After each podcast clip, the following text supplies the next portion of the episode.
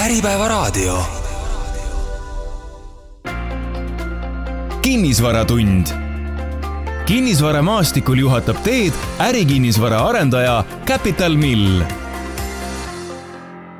tere, hea Äripäeva raadio kuulaja, alustame Kinnisvaratunni saatega, mis korra kuus siin Äripäeva raadios ärikinnisvarast räägib ja sel korral võtame fookusesse päikesepargid ärikinnisvara objektidel ja räägime siis sellega seoses ka üleüldiselt ähm, säästlikust majandamisest.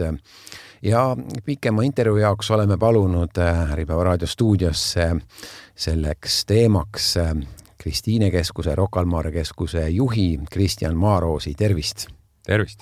mina saatejuht Lauri Leet ajend on teie kutsumiseks, Kristjan, see, et te saite Kristiine keskuse katusele siis ilmselt jah, paigaldatud äh, päikesepaneelid, nüüd äh, mõni kuu nad on juba äh, tootnud. millised need on, kui suured, mis see võimsus on, paneelide arv ja, ja ülevaade väike siis, et mis te tehtud saite? jah, eelmisel aastal me alustasime selle protsessiga tegelikult juba enne neid energiašoki hindasid, kuna meil strateegias on selline plaan kogu aeg olnud, et ise ka energiat toota, mitte ainult tarbida.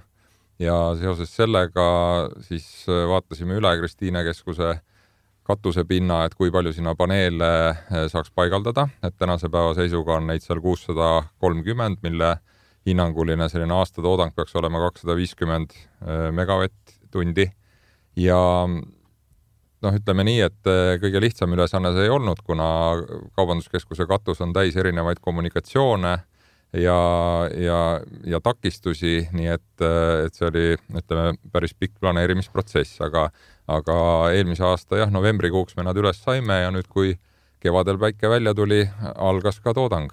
kui suurel pinnal need kuussada kolmkümmend paneeli siis on?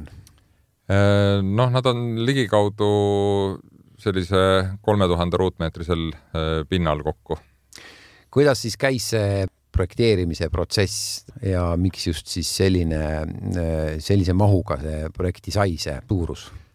selle mahu määratlemisel me ikkagi võtsime aluseks pigem selle, et äh, mida me siis selle energiaga nagu reaalselt käitada saaksime ja ütleme, et tinglikult see energiakogus äh, katab ära kõikide keskuse eh, liftide ja eskalaatorite aastase tarbimise, ehk et kui meil on eh, kaksteist eskalaatorit ja teine kaksteist eh, lifti, siis me võime nagu täna öelda, et, et need kõik sõidavad siis enda toodetud energia peal nii et, et see oli võib-olla selline eesmärk, milleni me tahtsime jõuda. me juba alguses otsustasime, et äh, me seda väiketootja litsentsi taotlema ei hakka, kuna meie enda äh, energiatarbimine sõltumata aastaajast on nii palju suur, et me igal juhul äh, tarbime selle ära ja kuna need liitumise ähm, teemad on kah pigem keerulised kui lihtsad, et siis seetõttu me sellest loobusime. kakssada viiskümmend megavatt-tundi aastas, liftid ja eskalaatorid, aga miks siis mitte veel rohkem, on ju neid tarbijaid Äh, teil veel nii-öelda keskuses elektrit läheb rohkem, kui palju üldse läheb? no ütleme nii, et äh, suurusjärgus äh, kogu sellest äh, aastasest energiatarbimisest see päikesepark annab äh, siiski kõigest kaks protsenti, et äh, miks nii no, vähe see... siis, miks ikkagi nii vähe? Noh, siin on täpselt see mahutavuse küsimus, et nagu ma ütlesin, et sellegi ruumi leidmine oli päris keeruline, et kuna erinevad kommunikatsioonid, trassid võtavad omajagu katusepinda ära, ventilatsioonikambrid ja, ja noh, selleks, et need päikesepaneelid ka töötaksid, mitte ei oleks lihtsalt kaunistuseks seal katusel, et, et siis tuleb see kõik nagu läbi mõelda. Ühesõnaga, soov oli tegelikult äh, ideaalis rohkem, suurema võimsusega, aga praktiline ruum katusel ei võimaldanud rohkem projekteerida kui selles võimsuses. jah, vastab tõele ja, ja noh, teiselt poolt, ega me ei tegele ju ainult sellega, et ise energiat toota, vaid ennekõike ma arvan, kaubanduskeskuse jaoks on oluline energiat säästa. et noh, samaaegselt selle päikesepargi rajamisega on ju käinud äh, töö kogu aeg selles suunas, et kuidas äh, energiat säästa ja tarbimist vähendada liitumist teil ei olnud, nagu ütlesite, seetõttu see investeering väga suur ei olnud, et palju see siis maksis see? Äh, noh, investeeringu suurus jäi suurusjärku paarisaja tuhande euro kanti. ja see on mitme aasta peale tasuvus? noh, see tasuvusaeg äh, siin äh, mõned kuud tagasi oli kahtlemata, läks päris lühikeseks, et, et võis vaadata siin juba mingit kolme-nelja aastast tasuvust ilmselt, aga, aga noh, nüüd kuna õnneks energiahinnad on ikkagi mm, allapoole läinud, siis ma arvan, et me räägime siin sellisest normaalsemast perioodist, mida sellise, sellise investeeringu puhul on, on nagu tavaliselt. kümme, kuni kümme aastat? no kuni kümme jah, ma arvan, on täiesti õige. kui elektri hind peaks äh, jääma madalaks, äh, eriti nüüd siin suvekuudel on ta lausa börsihinnana miinustes teatud tunnil, äh, siis kas see oht ei ole, et see investeering läheb nagu eriti pikaks? me nagu seda niivõrd ei arvestagi, et kuna Citiconi jätkusuutlikkuse strateegia näeb ette süsinikneutraalsust aastaks kaks tuhat kolmkümmend, et siis tegelikult nagu me vaatame seda, et kui nüüd see konkreetne päikesepargi projekt äh, ikkagi vähendab aastas kuskil kakssada tonni CO2 tootmist, et, et siis see on nagu võib-olla meie jaoks täna isegi selline olulisem kriteerium, et, et jõuda selleni. aga kuidas te saate selleni jõuda, kui katus on täis ja praegu ainult kaks protsenti tuleb elektrist sellest ja enam pole ruumi rohkem? no alustame sellest, et esiteks me nii Rocca al Mare kui Kristiine keskuse elektri ostame täna rohelisena, et äh, kogu mahus ja ja selles mõttes ikkagi tuleks uuesti tagasi selle energia säästmise vajaduse juurde. räägime sellest ka, ma tahan veel paneelide kohta ka küsida, mis suunas need sai projekteeritud? Ehm, katusel selles mõttes no, ikkagi, tavaliselt on lõuna suunas. ikkagi lõuna suunas, jah. mis tähendab ja. seda, et tegelikult põhielektrit ta toodab äh, keset päeva aga nüüd eh, kaubanduskeskused peale mõeldes, siis need liftid ja eskalaatorid saavad põhilise mahvi ja suurema mahvi kindlasti just sellisel õhtusel tipptunnil, neli, viis, kuus, seitse pigem isegi. Äh, ja kus see on hetk, kus juba see lõunasuund hakkab nagu natukene ära vajuma päikesepaiste osas ja pigem vast hakkab lääne suund äh, hakkaks rohkem tootma, et, et kas seal projekteerija ei arvestanud seda, mille jaoks te kasutate ja mis kellaajal teil see tiputarbimine nii-öelda just tekib?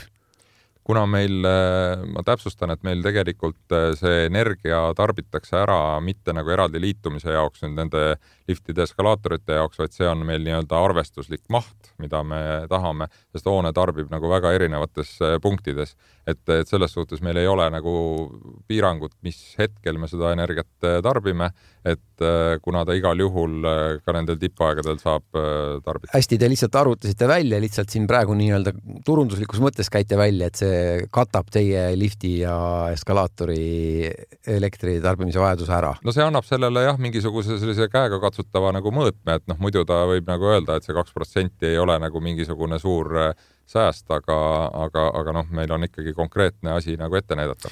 Mm,. kuhu üldse läheb äh, põhielekter, ikkagi küte ja jahutus ja ventilatsioon, ma eeldan, elektrikulus on see põhiline, mis keskuses kulub?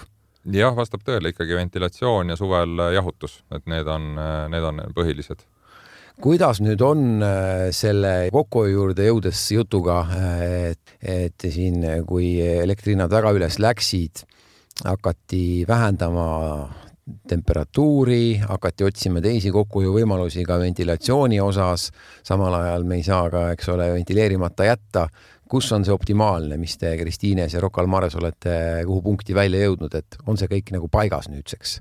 jah, no meie võtsime endale appi äh, ettevõtte R8 Technologies, kes siis äh, koostöös meiega hindas kõigepealt selle hetke või selle hetke tarbimise ära, äh, nii-öelda selle tüüpilise tarbimiskõvera ja pärast seda me andsime siis eh, tehisintellekti juhtida selle, nende süsteemide töö, kus siis, eh, mis põhimõtteliselt tähendab seda, et me anname ette teatud eh, parameetrid nii temperatuuri kui CO2 sisalduse ja kõikide selliste asjade osas ja ja, ja iga natukese aja tagant siis programm ise vastavalt siis inimeste arvule, välistemperatuurile, kõikidele parameetritele seda, neid setting uid või, või seadeid muudab ja meil on tegelikult, äh, on ka seal olemas selline elektri tipphindade komponent, et kui on ette teada, et teatud tundidel äh, see börsihind läheb nagu täiesti käest ära, siis meil saame seada sinna teatud piiri ja jällegi siis äh, tõmmatakse näiteks ventilatsiooni sel hetkel maha, mida tegelikult keskuses viibiv inimene ei, ei tunneta, kuna need viitajad on nii pikad. ei saa samas ju ka tõmmata seda liiga maha, kui ikkagi CO2 tase tõuseb liiga kõrgeks ruumis, siis on külastajatel varsti väga uimane, töötajatel ammugi väga uimane või siis palaval suvepäeval ei saa ju jätta jahutamata, et meil on sel hetkel börsielekter kõrge, me nüüd eh, ei jahuta, nii ju ka ei saa. no need ongi need parameetrid, mille, mis, mis, mille meie kui hoone haldajad ja kasutajad peame paika panema ja me noh, mõnes mõttes tegime enda jaoks selle elu veel keerulisemaks, et me samal ajal, kui me seda R8 projekti juurutasime, liitusime ka Kaupmeeste Liidu projektiga mm, Puhas õhk Eh, millesse kuuluvad eh, Tallinna mitmed ja Tart- ja teiste linnade suuremad kaubanduskeskused, kus me siis eh, oleme võtnud endale kohustuse selle jälgida seda CO2 sisaldust ja et meil alati see õhk on nendele parameetritele vastav. nii et, et noh, juba see seadis meile kohustuse seda väga rangelt jälgida, nii et mul endalgi kotis on kaasas CO2 mõõtja, nii et kui keskuse peal on vaja käia, siis aeg-ajalt ikka äh, paned pingi peale ja viskad pilgu peale, kuidas olukord on. kui suur investeering see mainitud R8 elektritarbimise juhtimise tarkvara siis äh, oli, et kui palju pidite selle jaoks, äh, ma ei tea, uuendama hoone automaatikat, kui palju pidite tegema veel mingeid IT-investeeringuid?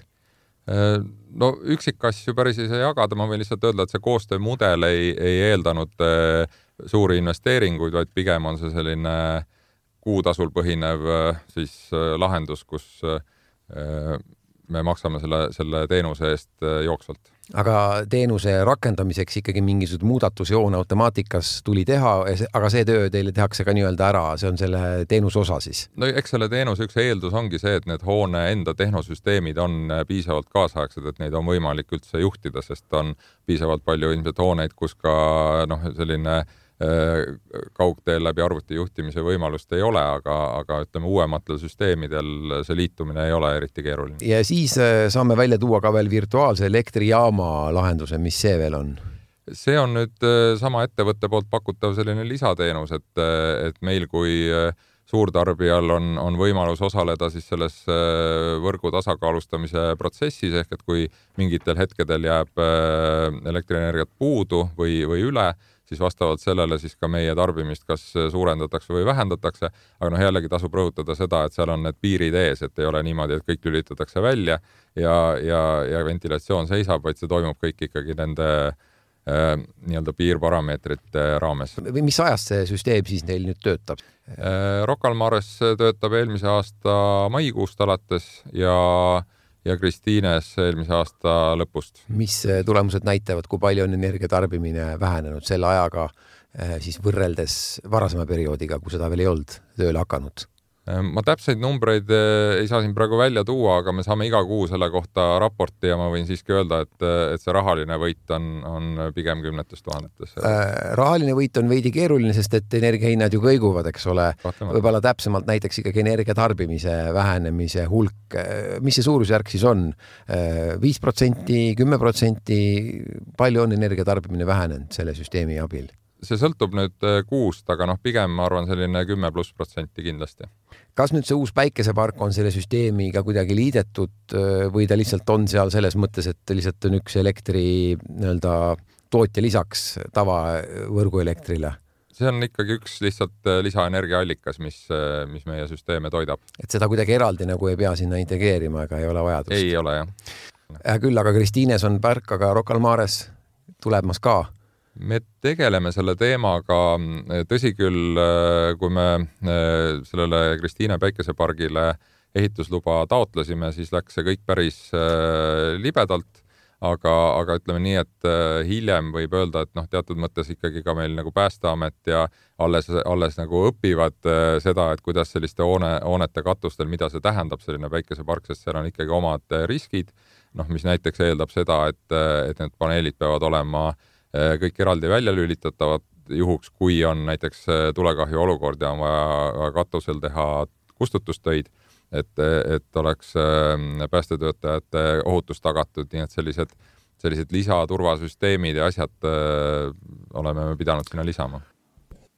teeme siinkohal Kristjan Maaroosiga intervjuus pausi ning liigume võimsamate tööstus- ja tehnoparkidesse rajatud päikesejaamade juurde kinnisvaraarendaja Favorte on tööstushoonetele päikesepaneele paigaldanud üsna suures mahus, ent nende edasine rajamine on raskendatud. ettevõtte juhatuse liige Rainer Hinno selgitab lähemalt. hoonete pind, kuhu me siis pannud oleme, on kakskümmend tuhat. ja, ja tegelikult paneks neile veel.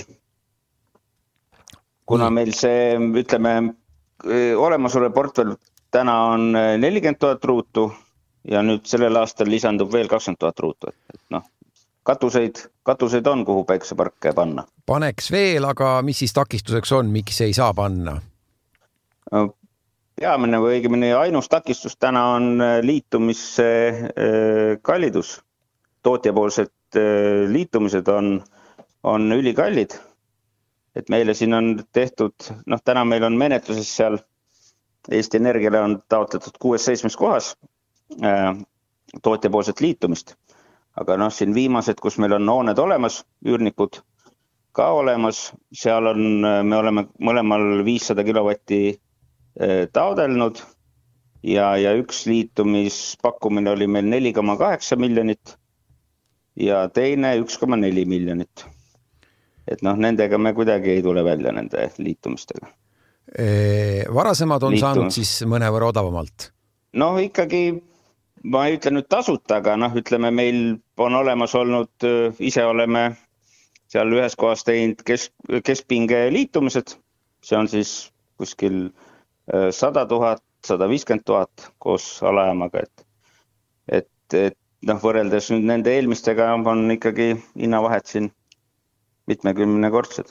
mis siis saab nüüd nendest kallitest uutest äh, pakkumistest nii-öelda mida te, mida nendega edasi teha saate, olete läbirääkimistes ja, ja edasi?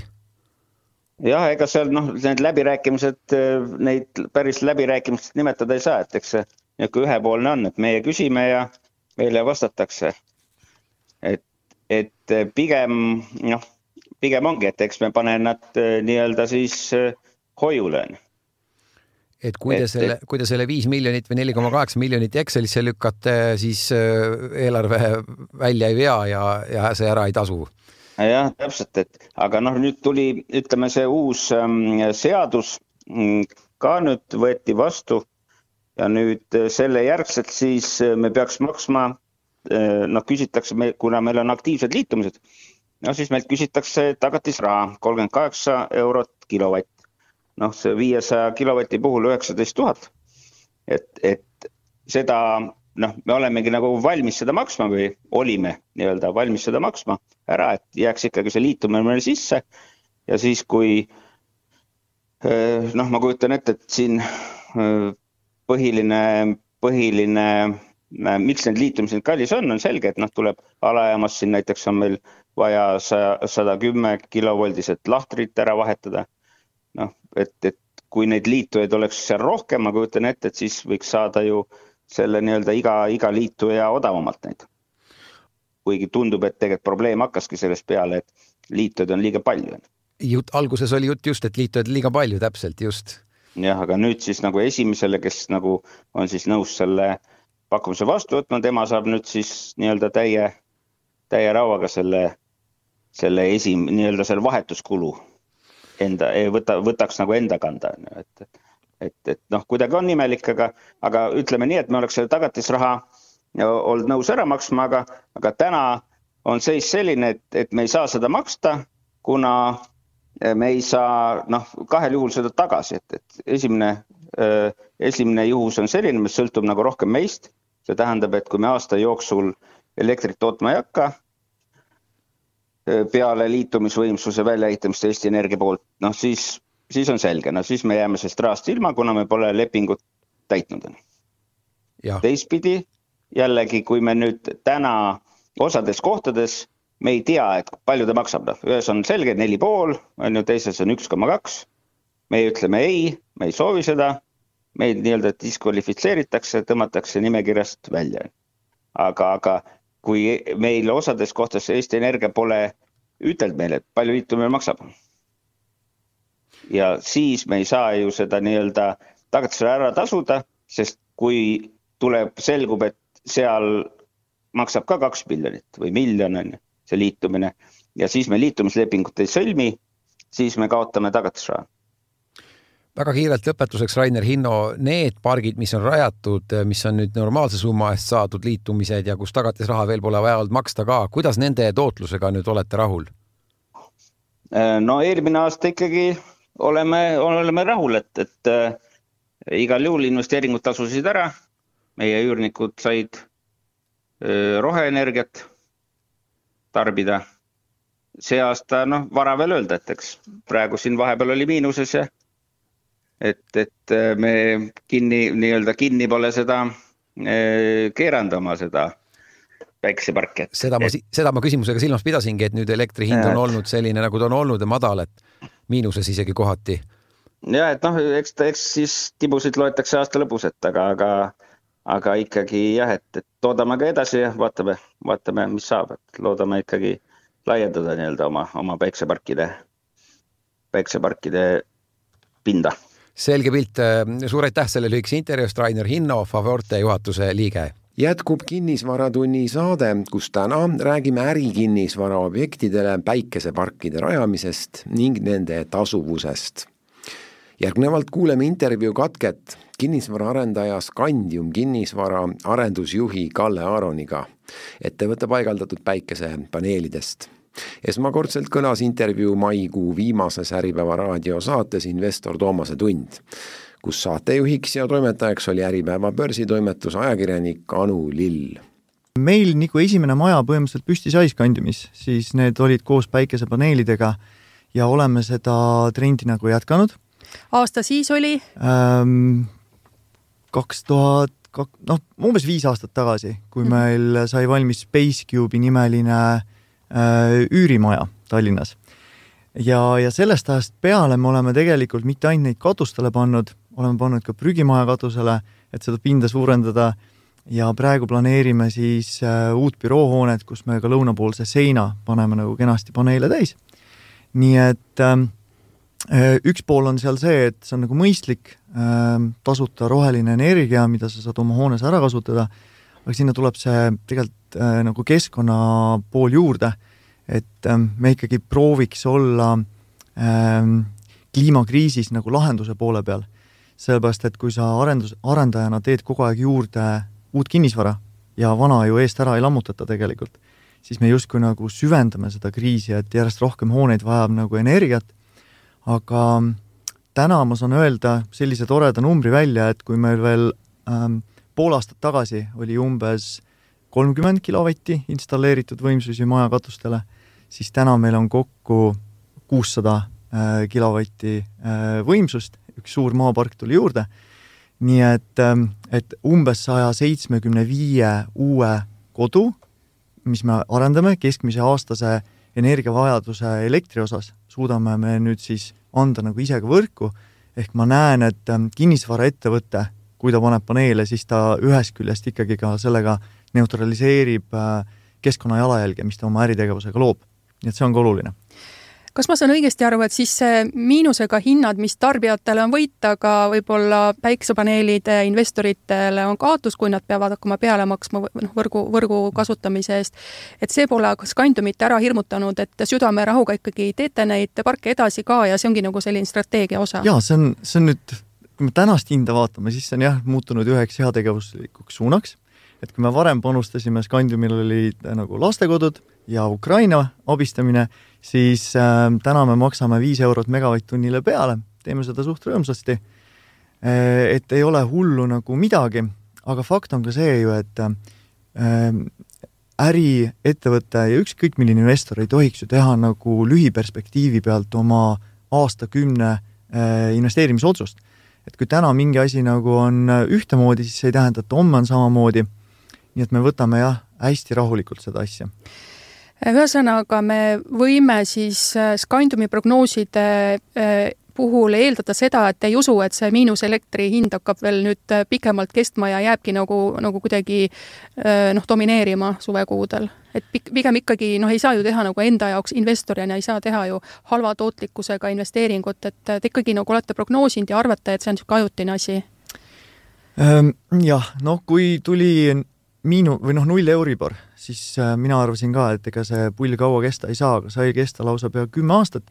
et selles suhtes ma oleks täna nagu ettevaatlik väga põhjapanevate järelduste tegemisega, et äh, aga, aga trend pigem on sinna, et suviti hakkavadki olema meil elektrihinnad soodsad äh, või siis poolmuidud päris.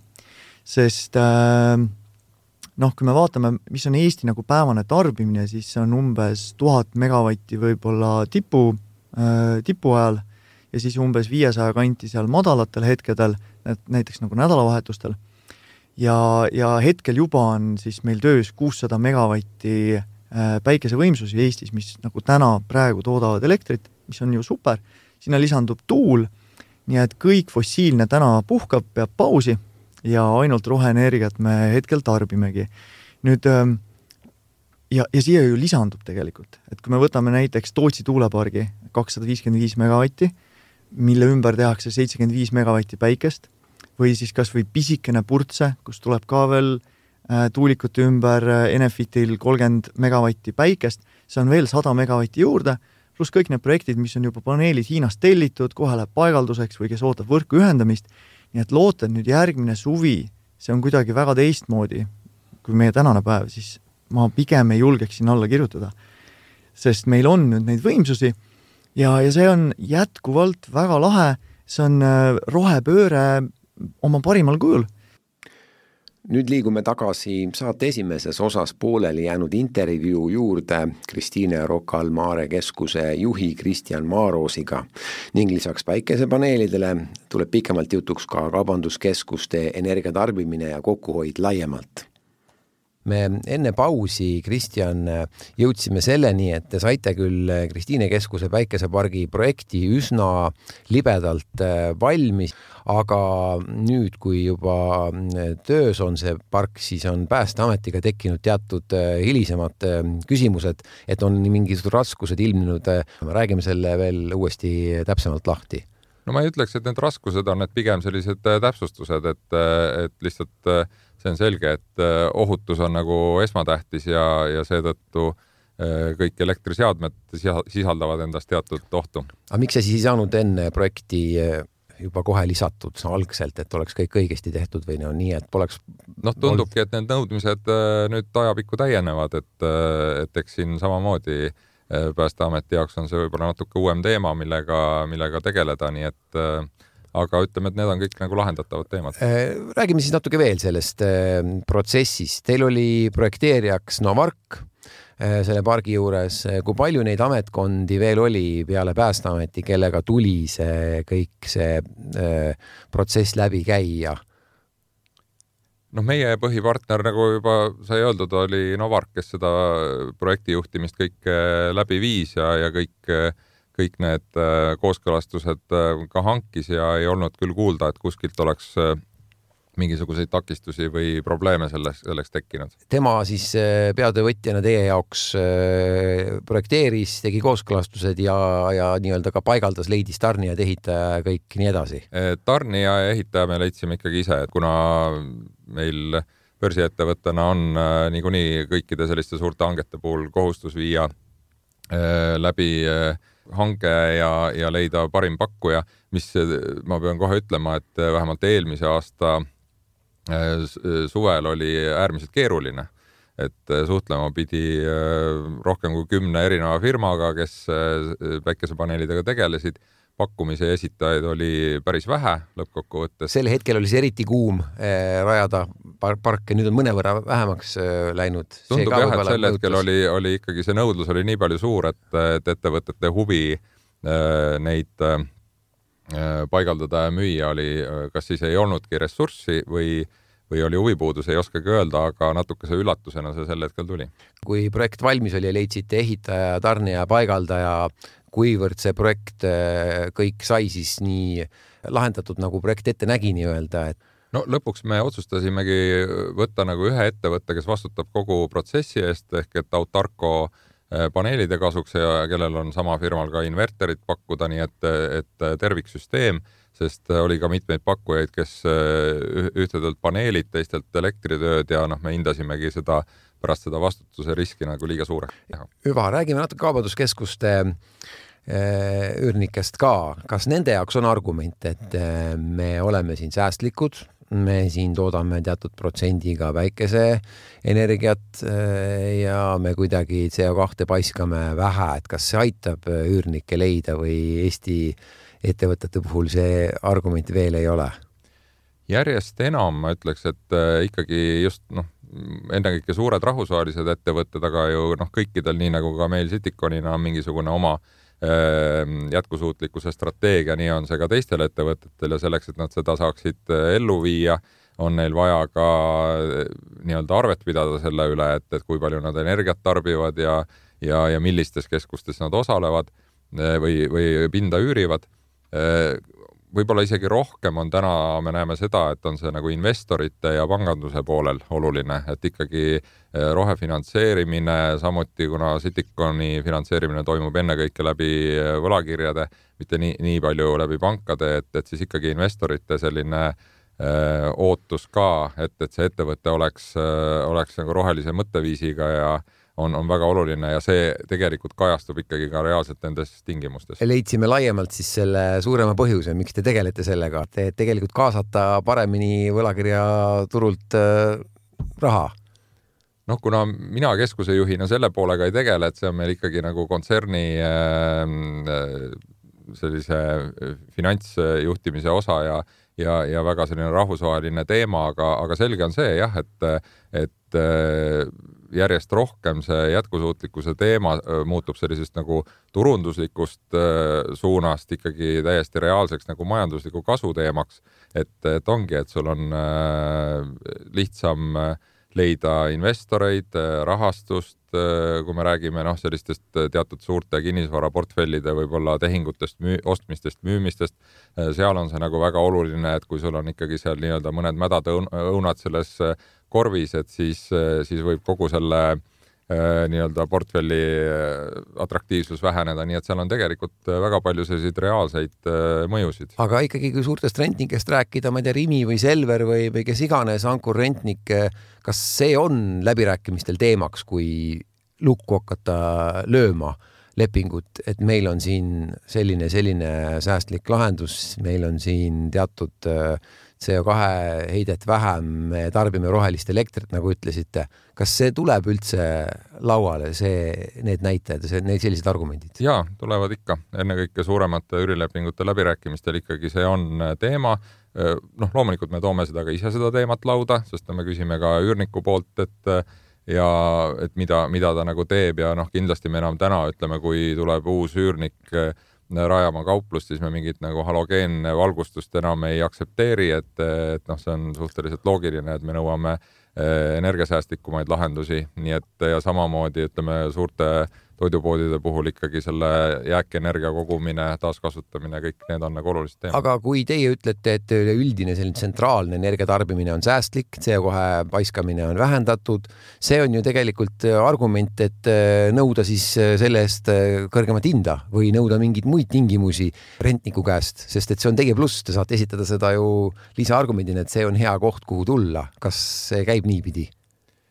Ma julgen väita, et täna vast ikkagi üürnik oma asukoha ja, ja sellised nagu üüritingimuste valikut teeb ikkagi ennekõike puhtalt nagu majanduslikest äh, argumentidest lähtuvalt, et mis on selle asukoha müügipotentsiaal, mis see üürimakse äh, võime seal äh, nagu on, et, et noh, ma arvan, me oleme täna veel seal, kus ikkagi need äh, jätkusuutlikkuse teemad pigem on nagu tagaplaanil, aga ma arvan, et nad äh, siin mõne aastaga tõusevad äh, märksa olulisemaks. aga nendel pindadel töötavad kaubandustöötajad, äh, kes saavad võib-olla mitte nii mugava töökeskkonna nagu varem, et ongi temperatuur natukene on jahedam talvel ja, ja võib-olla suvel enam ei ole nii hästi jahutatud.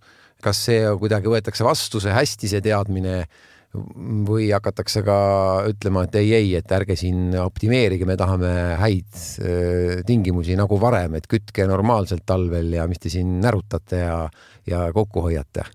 No see on pigem selline kaubanduskeskuse haldusjuhi argipäev, et ta tegelikult äh, kogu aeg saab äh, kõnesid teemal, et kuskil on liiga palav, kuskil on liiga külm, inimesed on väga erinevad, kuidas nad keskkonda tunnetavad, lisaks nii suures hoones noh, ei ole reaalne tagada nagu sama temperatuuri kõikides kohtades, kuna on väga palju sellist nagu uitsoojust äh, ja, ja eks see reguleerimine käib veel lisaks sellele meie tehisintellektile ka nagu, nagu lokaalsemalt, et et aga noh, paraku ta nii on jah, et äh, siin nende kõrgete energiahindade ajal me pidime ka ikkagi üürnikele saatma teavituse, et talvel peab leppima natuke jahedama ruumiga, et üheksateist kraadi, sest ütleme, külastaja seda eriti ei taju, kes tuleb talvel üleriietes, siis tema jaoks on see täiesti okei okay., pigem ongi küsimus töötajates, et võib-olla tuleb siis kanda soojemat riietust ja noh, talvel, vabandust, suvel noh, ikkagi on ka see te temperatuur Äh, kõrgem, et seal kakskümmend neli kuni võib-olla isegi kakskümmend viis kraadi, äh, sõltuvalt siis, mis õues on, et see kontrast enam kindlasti tulevikus nii suur ei ole. lepiti siis sellega või toimus ka lausa äraminemisi, et ei suuda tagada normaalset tingimust? ei no me ikkagi arvestame nagu inimeste reaalsete vajadustega, et, et ei, ei saa küll öelda, et see oleks nüüd põhjustanud mingit väga suurt äh, Äh, sellist äh, rahulolematust, et pigem oli võib-olla huvitav, et mõningate üürnike sellised esialgsed ettepanekud talvel, kui oli, olid need hinnašokid, olid, olid isegi võib-olla natuke liiga ekstreemsed, et võiks juba seitsmeteist kraadini temperatuuri keskuses lasta, noh et siis me nagu se seda teed päris ei läinud. ma tahan lõpetuseks ka veel uurida elektritarbimise sellist ööpäeva ja aastast rütmi ka kaubanduskeskuses, et ma siin ööpäeva rütmi osas enne oletasin, et, et tipptunnil on kõrgem siin õhtusel ajal Äh, kas see on õige? Ja kui palju see üldse kõigub, ütleme siin nagu vähem inimesi ja, ja siis tuleb rohkem inimesi, kui palju läheb elektritarbimine suuremaks? noh, varem, kui meil seda nii-öelda tarka juhtimist ei olnud, siis, siis oli see kindlasti noh, ühtlasem see energiatarbimine, et nüüd kuna me jälgime reaalset inimeste arvu keskuses, siis loomulikult, et tipptundidel ikkagi see tarbimine on suurem, õhuvahetus suurem et, äh, et eks ta seda loogikat järgib. kas salvestusseadme peale, mingisuguse süsteemi peale ei ole mõelnud, et see aitaks ju tipptunnil äh, varem salvestatud energiat vabastada ja selle võrra võib-olla lõikes kokku hoida? no väga häid lahendusi vist sellele hetkel pakkuda ei ole, sest ütleme nagu akude süsteemi peale üles ehitada äh, kaubanduskeskuse toimimist ei, ei ole reaalne. tõsi küll, kui vahepeal oli siin jutuks isegi äh, noh, võimalikud elektrikatkestused, siis me tegelesime eraldi sellega, et, et nii-öelda varuenergia, generaatori energia kriitilistele süsteemidele tagada. et, et noh, nüüd on meil see valmidus ka igati olemas, et, et see hoone suudab toimida ka kõige külmemal talvel ilma elektrita. aga aasta lõikes, kuidas elektritarbimine jaotub? noh, tegelikult ikkagi, kui me räägime elektrienergia tarbimisest, siis jahutus on see ehk et suvine kuum aeg mis tegelikult eelmisel aastal langeski kokku, need kõrged elektrihinnad ja väga kuum ilm, noh, paisutas ikkagi selle tarbimise pluss siis selle kõrge hinna ikka väga suureks. talvel kütmine on ju ka elektri pealt või on kaugküte? Meil on hetkel on Kristiines on oma gaasikatlamajad, aga me kaalume tõsiselt nüüd üleminekut kaugküttele ja, ja Rocca al Mares on meil Adveniga liitumine, kus me Äh, selle talve nüüd oleme kütnud üldsegi põlevkiviõliga, äh, aga vastavalt siis olukorrale, aga on ka gaasikatlamine. aga igal juhul see kütmise äh, maksumus ei ole nii kõrge kui suvel jahutusmaksumus? jah, see jahutuse teema on. kui palju see erineb, see elektrikulu talvel ja suvel? on mingi kordades vahe või protsentides? no pigem protsentides, et ei, ei hakka äh, täpseid protsente praegu siin äh, mälu järgi tuletama kas energia tarbimise vähenemisel on ka mingisugune nii-öelda piirväärtuste jaoks olemas, kuhu peate välja jõudma, et kui palju vähendama üleüldist energiatarbimist keskustes aastateks mingiteks? jah, me jälgime nii-öelda nii üldpinna ruutmeetri kohta kui ka siis üüritava pinna ruutmeetri kohta seda tarbimist ja e, terve Citiconi grupi tasemel ja, ja meil on teatud piirväärtused e, paika pandud ja noh, ma võin öelda, et tänu oma muudatustele me oleme seal juba päris heas Äh, heas olukorras, aga noh, pikk tee on loomulikult veel minna, sest, äh, sest kui me räägime. mis aastaks siis äh, on see nii-öelda eesmärk?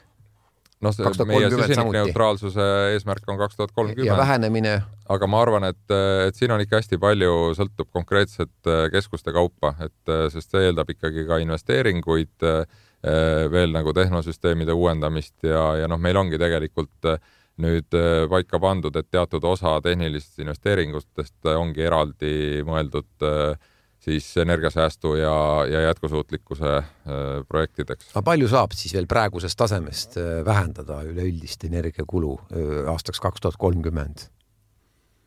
seda on praegu väga keeruline öelda, sest see koosneb nii mitmetest nagu komponentidest, et, et eks meil ju need kohustused sisekliimat hoida ja ja tagada hea töökeskkond, klientidele keskkond, need on ju, ei ole kuhugi kadunud, et et, et selles mõttes, eks siin ongi kombinatsioon sellest oma energia tootmisest ja, ja võimalikult efektiivsest majandamisest. ja samal ajal ootate ju külastajate pidevat kasvu seda loomulikult. kas see ei ole mitte vastuolus, et inimesi on rohkem järjest keskustes, aga energiat peaks kuluma pidevalt vähem? No kui me räägime üldse CO2 emissioonidest, siis äh, kaubanduskeskuse puhul ongi nagu kaks allikat, et üks on see, mida me nagu ise läbi oma energiatarbimise toodame ja teine on siis see, mida tegelikult nagu kliendid toodavad sellega, et nad meie juurde tulevad, et noh, me tegeleme nagu mõlema poolega, et, et, soosida ikkagi inimeste tulemist äh, ühistranspordiga ja, ja ütleme siis äh, jalgratta, elektritõukeratta, kõige sellega, et, et noh, meie eesmärk ongi, et, et võimalikult mugavad parkimisvõimalused neile teha ja, ja, ja noh. see on selline... laiem, see on laiem mõju, aga mõtlen just hoonete enda nii-öelda majandamine äh, energiakulu on vaja vähendada, CO2 emissiooni on vaja vähendada, aga külastajaid on vaja pidevalt juurde saada. Äh, ma küsin siis nii kumb number on suurem, kas energiakulu vähendamise eesmärk või külastajate kasvu eesmärk seal mingite tulevikuaastate peale? Ma arvan, et külastaja hakkab tulevikus võib-olla ka sellest äh, teatud otsuseid tegema ja, ja temale läheb see korda, äh, kuidas selle energia tarbimise ja, ja loodussõbralikkusega nagu laiemas plaanis on, nii et. Äh, loodad, et see päikesepaneelidki Kristiines toob mõne külastaja juurde, et saate siin ka täna rääkida saates ja mõni kuuleb, et miks mitte, lähen küla, Kristiinesse parema meelega. no muidugi, tulge sõitke eskalaatoriga, mis liigub päikeseenergia peal, see on väga tore. aga nagu te ütlesite, tegelikult ei ole otseselt eskalaator, see võib olla ka mujalt tulnud elekter, mis eskalaatori paneb liikuma, see on lihtsalt nii-öelda arvutuslik eskalaatoritega no samamoodi ega pistikust tulev energia või elekter ei, ei ole nii selgelt identifitseeritav, kuigi meil kõigil on võib-olla erinevate firmadega elektrileping. tõsi, ja päris lõpetuseks, kas roheelekter on teil siis sada protsenti või ka või teatud ulatuses? Äh, sada protsenti. ja see on ju kallim? See on kallim, aga see on selline teadlik otsus olnud. Äsja lõppenud intervjuus kõneles Kristiine ja Rocca al Mare keskuse juht Kristjan Maaroos. Lisaks kuulsime tänases Kinnisvaratunni saates intervjuu katket kinnisvaraarendaja Scandium kinnisvara arendusjuhi Kalle Aaroniga. Ning enne pausi kõlas intervjuu arendaja Favorte juhatuse liikme Rainer Hinnoga. Mina olen saatejuht Lauri Leet ning tänan kuulamast